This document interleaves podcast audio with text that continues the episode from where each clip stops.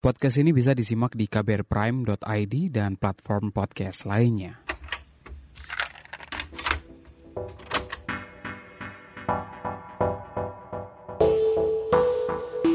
Di masa pembatasan sosial semacam ini, film jadi pelarian buat masyarakat, baik sekadar hiburan atau pengalih perhatian.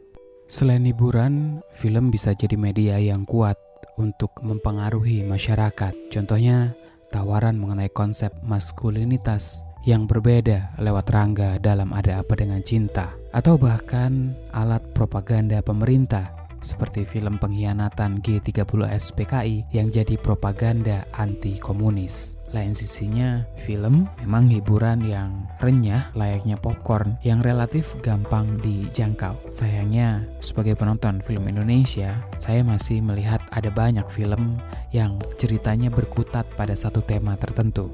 Tema-tema alternatif atau lainnya seputar minoritas, identitas, itu masih jarang banget dieksplorasi. Kali ini saya ngobrol bareng sutradara Lucky Guswandi perkara representasi, narasi, perspektif yang tepat untuk cerita mengenai minoritas dalam film, sensor, hingga film barunya Ali dan Ratu-Ratu Queens. Anda mendengarkan Love Bus bersama saya, Asrul Dwi.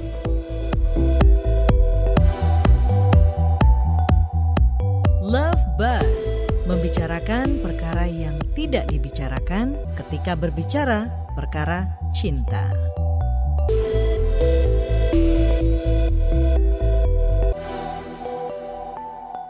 Terakhir kemarin pas gue hubungin kan lagi proses editing gitu ya film baru karena pembatasan sosial ini prosesnya jadi terhenti atau gimana? Um, terhenti sih karena COVID ini akhirnya kita ngeditnya secara online gitu. Jadi kita pakai aplikasi meeting, editorku tiap hari ngirim preview updatean hasil editan, aku kasih notes, dia kerjain lagi gitu. Ya prosesnya lebih lama sih, tapi masih jalan kok. Rencana untuk tayangnya mundur atau Sepertinya mundur, uh, karena kan kita nggak tahu nih berapa lama ya kita harus self quarantine. Jadi ini lagi produserku lagi kontak XX1 untuk diskusi kira-kira mundurnya kapan. Karena semua film Indonesia sekarang jadi mundur kan. Film Hollywood juga gitu. Jadi kayaknya mereka masih keribetan ngatur jadwal. Di rumah kemudian ngapain aja untuk menjaga kewarasan gitu? Iya kebetulan gue tinggal ada roommate juga sih. Jadi kayak nggak sendirian banget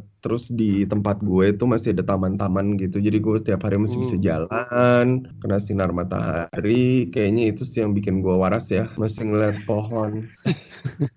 Sebenarnya sih mungkin emang kita dipaksa buat nafas dulu nggak sih gitu. Maksudnya kan kita sekarang hidup tuh semuanya serba cepat serba instan gitu. Kayaknya ini manusia betul-betul dipaksa buat bernafas dan betul-betul mikir sebenarnya yang esensial dari hidup tuh apa gitu. Karena kalau udah kayak gini tuh kayak lo ngeliat barang-barang lo gitu kayak kok kayak nggak ada gunanya gitu. Sekarang semua orang nyarinya tuh ya makanan tisu toilet hand sanitizer gitu nggak sih ada ini nggak sih mungkin hobi yang sebelumnya lama lo tinggalin kemudian sekarang karena lo harus stuck di rumah dan itu mulai lo lakuin lagi gitu-gitu? Mungkin gue jadi lebih sering baca ya. Di rumah masih ada tumpukan buku yang belum pernah gue sentuh gitu. Jadi akhirnya gue buka-buka lagi deh.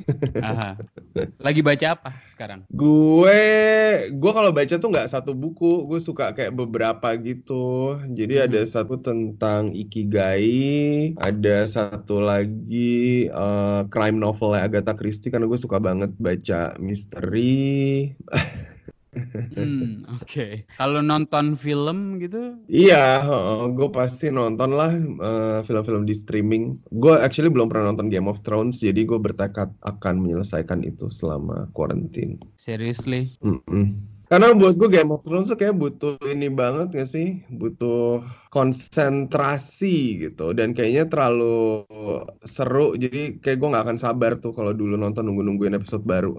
Eh kalau film gitu ada rekomendasi gak sih film apa yang ditonton gitu buat sekarang-sekarang ini? Mungkin film-film yang lebih hangat ya maksudnya ngomongin soal relationship. Yang bikin kita terhibur dan ketawa gitu. Kayak gue nonton Queer Eye sih sekarang kayak pas banget sih waktunya ya buat nonton itu. Karena itu ngomongin soal kebaikan. Maksudnya kayaknya kita butuh karya-karya yang positif aja sih di saat kita dibanjiri berita-berita yang bikin kita anxiety, ya nggak? Kalau Lucky dulu awal jadi sutradara tuh kayak gimana sih? Gue dulu waktu SMA, gue mau sekolah film, dan waktu itu masih nggak populer banget, karena kan film kita kan masih belum terlalu maju ya di 90-an. Jadi gue sekolah, kemudian gue bisa ke Los Angeles dan gue ngambil film di situ. Kemudian gue balik, dan ketika gue balik ya udah gue mulai dari nol di Indonesia. Maksudnya gue ngerjain kawinan, kemudian at the same time gue juga sering ikut workshop gitu. Karena dulu kan kita punya Jakarta International Film Festival, GFest. Gue ikut workshop ya mereka soal script writing. Dari situ gue mulai kenal sama orang-orang film kayak Mbak Mira, Nia Dinata, Joko Anwar. Kemudian gue juga bantuin volunteer Q Film Festival, which is festival film LGBT uh, yang dikepalai John Badalu. Gue ikutan komunitasnya, gue bantuin festivalnya. Dari situ gue jadi mulai kenal banyak filmmaker juga gitu. Organik banget kok prosesnya, kayak ketemu-ketemu orang, bikin-bikin film pendek, ikut workshop, gitu. Kalau dari kacamata seorang sutradara gitu, film Indonesia sekarang ini kayak gimana sih perkembangannya dari segi kualitas katakanlah kalau kuantitas tetap ada naik turunnya lah ya tiap tahun. Sebenarnya sekarang tuh jumlah film yang diproduksi itu banyak banget. Artinya orang tuh udah mulai merasa kalau emang film itu profitable gitu loh. Karena kan kalau film nggak profitable kenapa segitu banyak orang bikin film? Artinya kan investasinya kan udah banyak nih orang-orang yang mau invest di film gitu. Kalau kuantitas tuh banyak sekali. Kalau secara konten mungkin sekarang kita jadi di titik di mana industrinya tuh ketika dia bikin konten tuh yang fokus utama industri sekarang adalah jumlah penonton.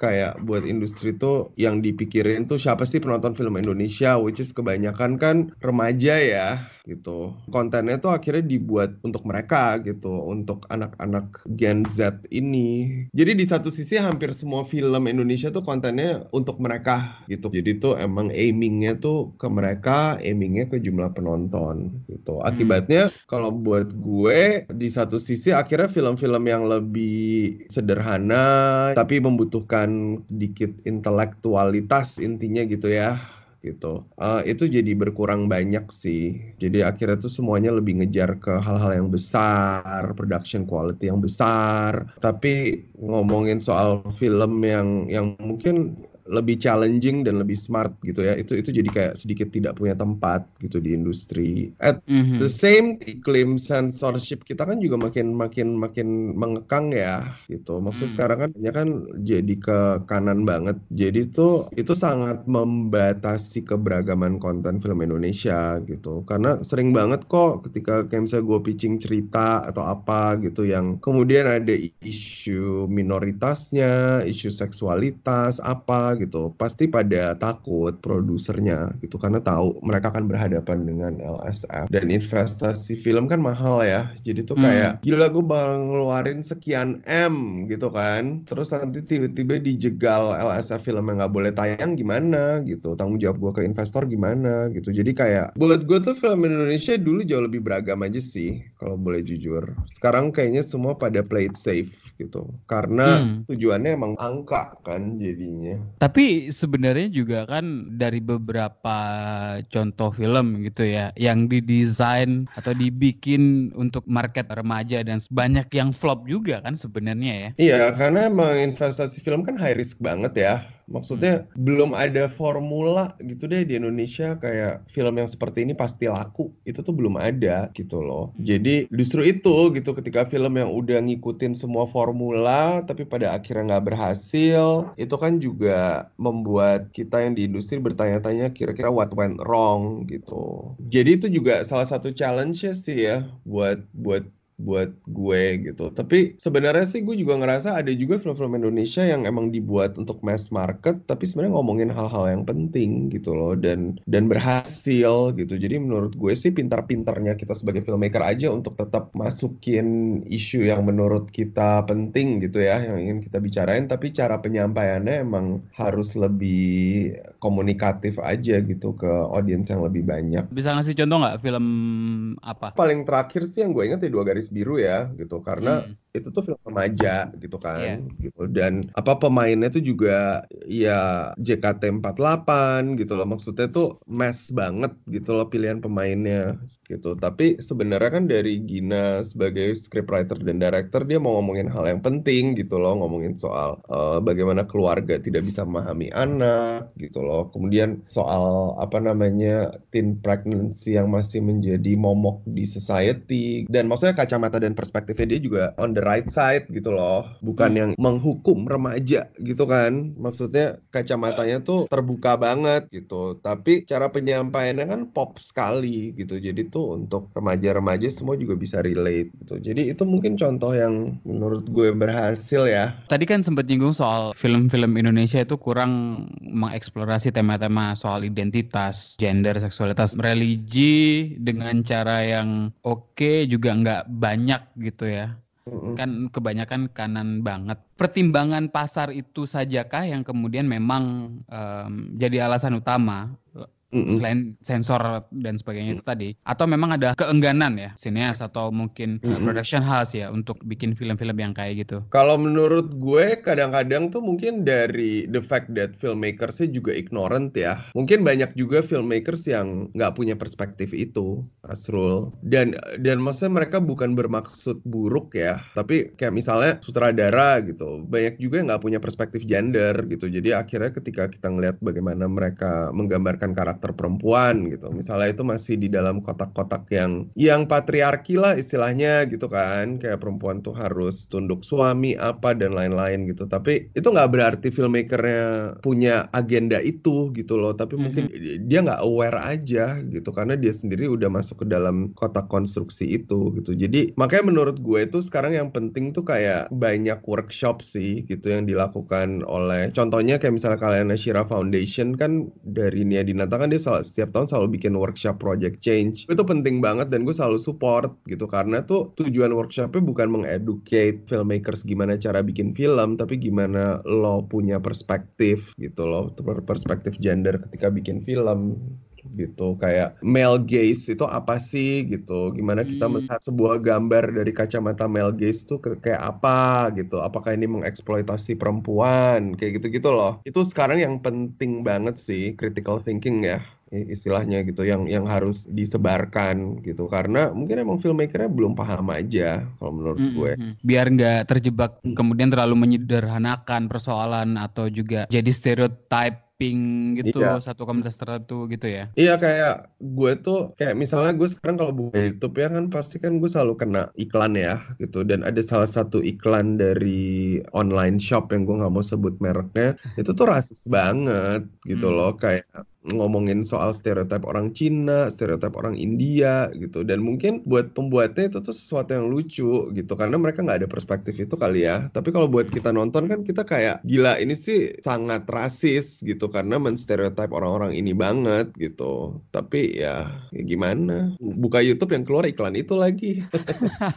Oke. Okay. nah kalau dari film-film yang sudah digarap gitu saya sebagai penonton sih ngelihatnya kebanyakan kan tema-tema yang Lucky angkat soal soal identitas dengan segala singgungannya agama politik kekuasaan gitu. Memang ada ketertarikan khusus di isu itukah atau ya itu tadi mungkin Luki melihat tema-tema semacam itu memang belum banyak digarap atau dieksplorasi gitu di sinema Indonesia. Iya kalau buat gue sih awalnya it's never political ya buat gue gitu karena hmm. gue gue sendiri minority gitu kan. Maksudnya gue juga hidup di zaman Orde Baru gitu sebagai Cina. Maksudnya ya gue gue ngerasain deh gitu. Itu semua gitu. Jadi obviously kan ketika kita berkarya kan kita pasti cuman bisa awalnya ngomongin hal-hal yang kita familiar ya. Jadi secara natural dan organik aja gue selalu tertarik dengan karakter-karakter yang mempertanyakan rumahnya gitulah istilahnya gitu. Kayak mempertanyakan tempat dia lahir atau society di sekelilingnya yang nggak merasa mereka itu menjadi bagian dari itu gitu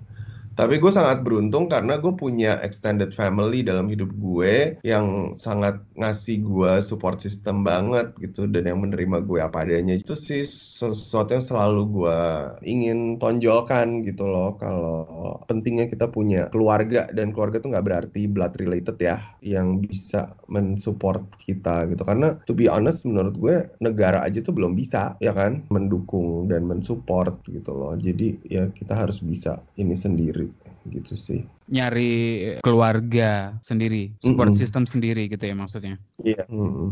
Tokoh asing di The Fox itu seberapa banyak mm. Lucky sih yang ada di sana? Banyak banget sih. Maksudnya itu kan eranya kan juga udah era pas gue remaja ya tapi ya obviously gue nggak ada urusan sama militer dan lain-lain gitu. Tapi maksud gue itu juga diambil dari experience banyak orang gitu hmm. loh, terutama komunitas Chinese Indonesian ya gitu yang hidup di zaman itu gitu yang harus berpolitik dengan kekuasaan gitulah istilahnya gitu. Sebagai mereka yang tertindas tapi sebenarnya mereka juga bisa menjadi penguasa gitu loh. Itunya sih yang menurut gue interesting banget ya ketika ketika gue riset buat filmnya gitu. Jadi maksudnya ada hal-hal yang personal dari karakter Aseng gitu, tapi ada hal-hal yang memang overtly political yang sengaja gue masukin di situ gitu. Maksudnya kita sangat conscious dan aware kok gitu ketika membuat filmnya dan situasi-situasi di filmnya. Kalau gue sih ngelihatnya ada semacam shifting of power gitu nggak sih? Iya. Dari yang tertindas eh, jadi penindas bahkan kemudian to the extreme ada di sana gitu nggak sih? Iya banget dan kadang-kadang tuh mungkin yang bahaya ya kita bisa nyaman loh di dalam situ. Kita bisa iya. nyaman sebagai tertindas yang juga menindas dan penindas yang juga tertindas gitu kan. That's the danger gitu karena ketika kita udah nyaman ya kita akan membiarkan itu atau sejarah bisa berulang kembali ya kan? Kita nggak melihat itu sebagai masalah lagi gitu. Dan buat gue relasi kuasa tuh sesuatu yang complicated banget sih. Maksudnya nggak nggak bisa dilihat hitam putih lah intinya. Tapi kadang kan penonton kita juga masih banyak yang susah keluar dalam artian kalau The Fox katakanlah kan kompleks banget gitu ceritanya. Tapi kan yang kebaca hanya perkara identitas seksualnya si tokoh mm. utama. Itu juga mm. kan terjadi di film Lucky yang lainnya, Madam X atau Selamat Pagi Malam gitu. Untuk yang kayak gini mungkin ada formulasi gitu nggak sih yang kudunya ada atau bisa dicoba gitu ya untuk uh, menarasikan tema-tema yang semacam ini? Kalau menurut gue pertama gue selalu ngelihat tujuan proyeknya apa sih gitu. Kalau Fox itu kan memang proyek yang diprakarsai oleh HIFOS kan, which is uh, salah satu foundation yang punya concern concern soal ini gitu. Jadi ketika tujuannya adalah tujuan dari HIFOS adalah sesuatu yang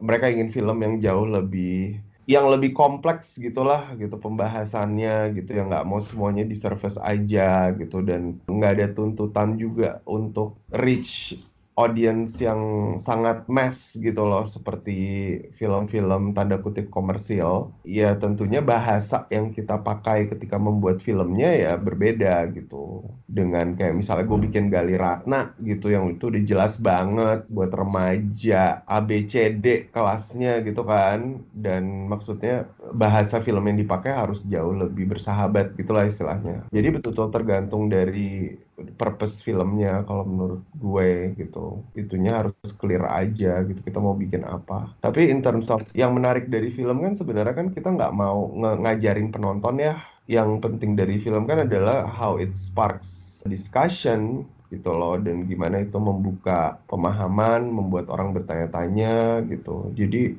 selama itu terjadi sih gue happy sih gitu dulu pas Madam X kalau nggak salah gue sempat baca ada satu tulisan yang mengkritisi penggunaan bahasa yang dibilang terlalu berkutat dalam dunianya sendiri gitu. Bahasa uh, komunitas trans. Ngomongin ini dulu kali ya. Dulu awalnya tertarik untuk bikin proyek ini karena apa sih? Karena memang waktu itu film Indonesia jarang gitu ngangkat tema tema-tema trans gitu. Kalau sebenarnya alasan utamanya simple banget karena pengen kerja sama Nia Dinata sih. Dan gue amazed dengan apa ya dia yang mau menyuarakan suara-suara kita gitu kan. Jadi gue kayak wah gila gue harus kerja sama orang ini gitu. Hmm. Jadi ketika dia punya skrip Madam X yang idenya sebenarnya dari Aming. Ah, oke. Okay. Ya gue meeting sama dia, terus ya gue langsung minta, I really wanna do this film gitu, karena maksudnya gue sangat paham dunianya, gue relate banget. Kemudian itu tuh di masa itu kan masih belum terlalu panas ya, kayak FPI dan lain-lain tuh baru gitu loh. Kayak Ibu Nia tuh udah udah kayak udah udah udah lumayan panik gitu loh saat itu. Wah gila ini Indonesia mau ke mana gitu kan. Jadi makanya akhirnya ya itu kayak partai politik apa semua kita masukin gitu loh ke dalam situ kemasannya tuh sengaja gitu kita buat kemasannya komedi karena kita tahu LSF tuh panik kalau filmnya drama oh iya iya komedi tuh lebih gampang deh kalau kita lolos berarti Madam X sensornya nggak terlalu banyak karena komedi waktu itu. Uh, nggak ada yang disensor. Wow, mungkin itu triknya kali ya. Iya, karena mereka nggak nggak ngerti ini bahasa-bahasa cong. Kan nggak tahu orang-orang ini ngomongin apa.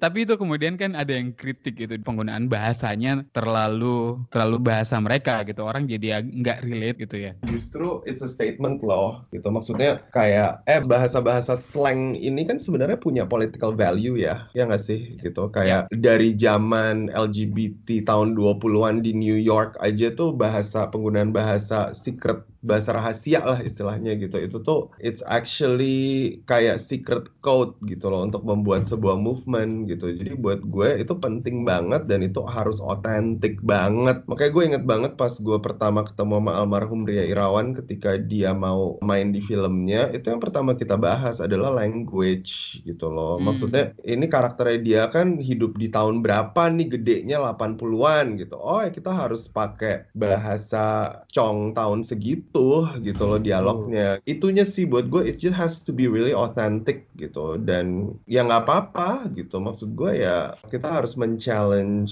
status quo yang udah terlalu nyaman ya nggak sih? Dengan kita kasih ini gitu. Yang masih kurang gitu dari film-film Indonesia gitu ya. Utamanya film-film yang temanya soal identitas uh, seksual dan gender ini yang belum banyak diolah kira-kira apa Aduh, sebenarnya sih masih terlalu minim sih untuk hal-hal yang cerita-cerita yang sangat basic ya gitu. Kayak misalnya kita ngomongin film LGBT remaja emang ada gitu kan. Uh, hmm. atau film LGBT tentang coming out juga nggak banyak. Film pendek ada gitu loh maksudnya. Tapi kalau kita ngomongin film layar lebar ya. Bahkan di Hollywood sendiri kayaknya kayak romcom LGBT tuh yang terakhir kan Love Simon inget gue gitu. Itu aja tuh kayak masih berasa anomali gitu loh. Jadi kayaknya sih emang belum banyak aja sih Astro belum banyak yang berani eh, atau memang tapi ada pasarnya nggak sih sebenarnya? Nah itu mungkin juga itu ya. Belum banyak filmmaker juga kali ya. Dan mungkin masih dianggap terlalu niche kalau menurut gue. Kayak misalnya di Hollywood aja film, misalnya film dengan tokoh utama perempuan middle age itu tuh nggak banyak loh. Gitu karena dianggap terlalu niche.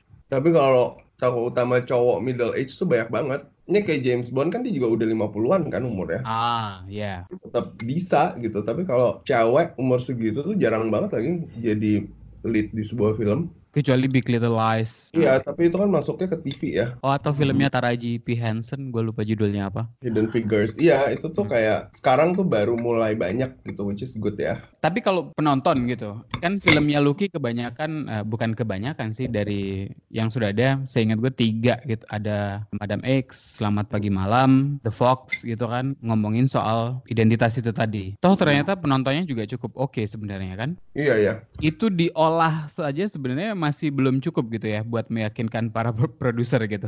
Ya belum sih. Maksudnya film gue juga bukan yang satu juta penonton gitu loh. Kalau Gali dan Ratna waktu itu berapa ya penontonnya?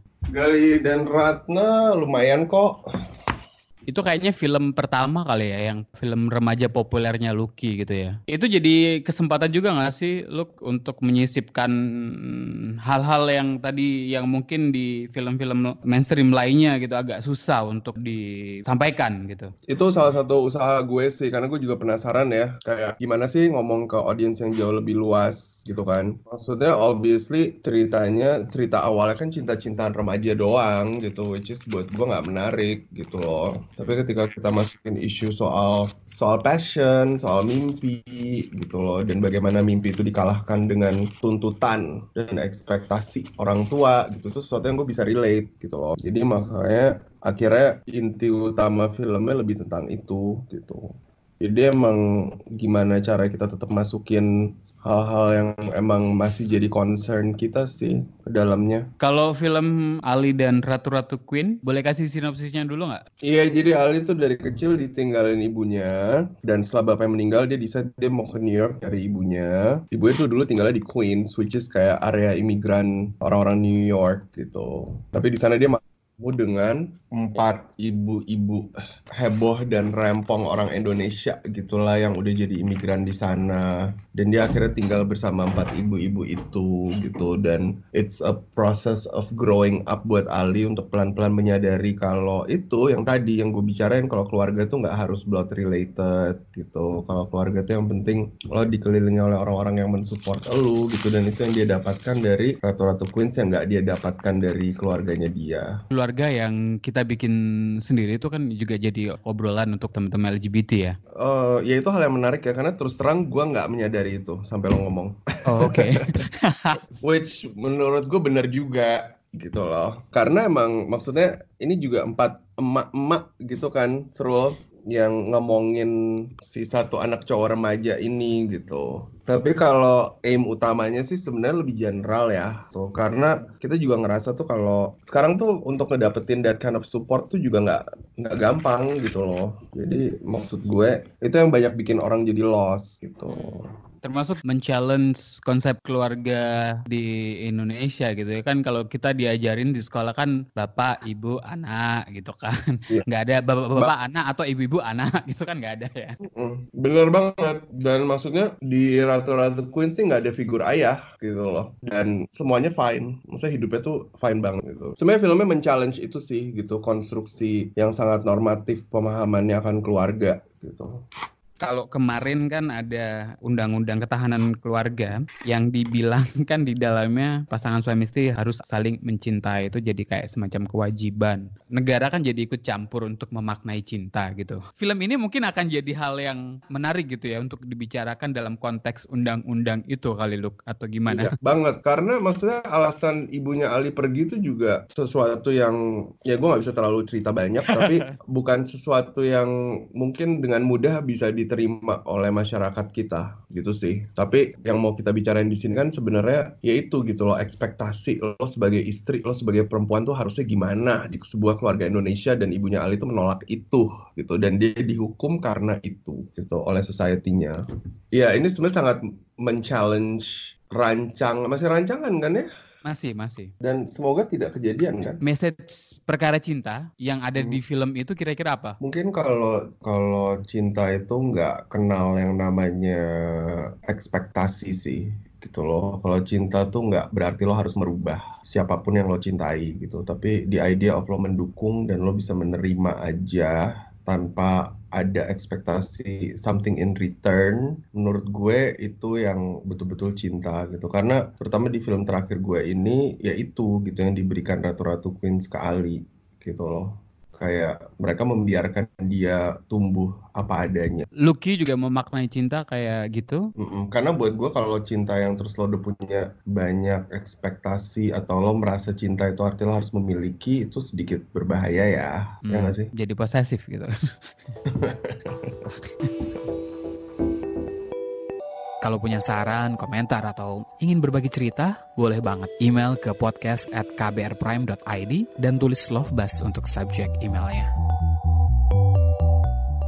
Oke, kalau kemudian komedi jadi cara yang mujarab untuk menghindari sensor dan nyatanya beberapa film box office Indonesia juga komedi. Artinya itu bisa jadi kompromi kan? Mungkin itu juga alasannya kenapa banyak film komedi yang seksis atau rasis tayang di bioskop kita. Love Buzz membicarakan perkara yang tidak dibicarakan ketika berbicara perkara cinta. Kunjungi kbrprime.id untuk menyimak beragam podcast lainnya dari KBR.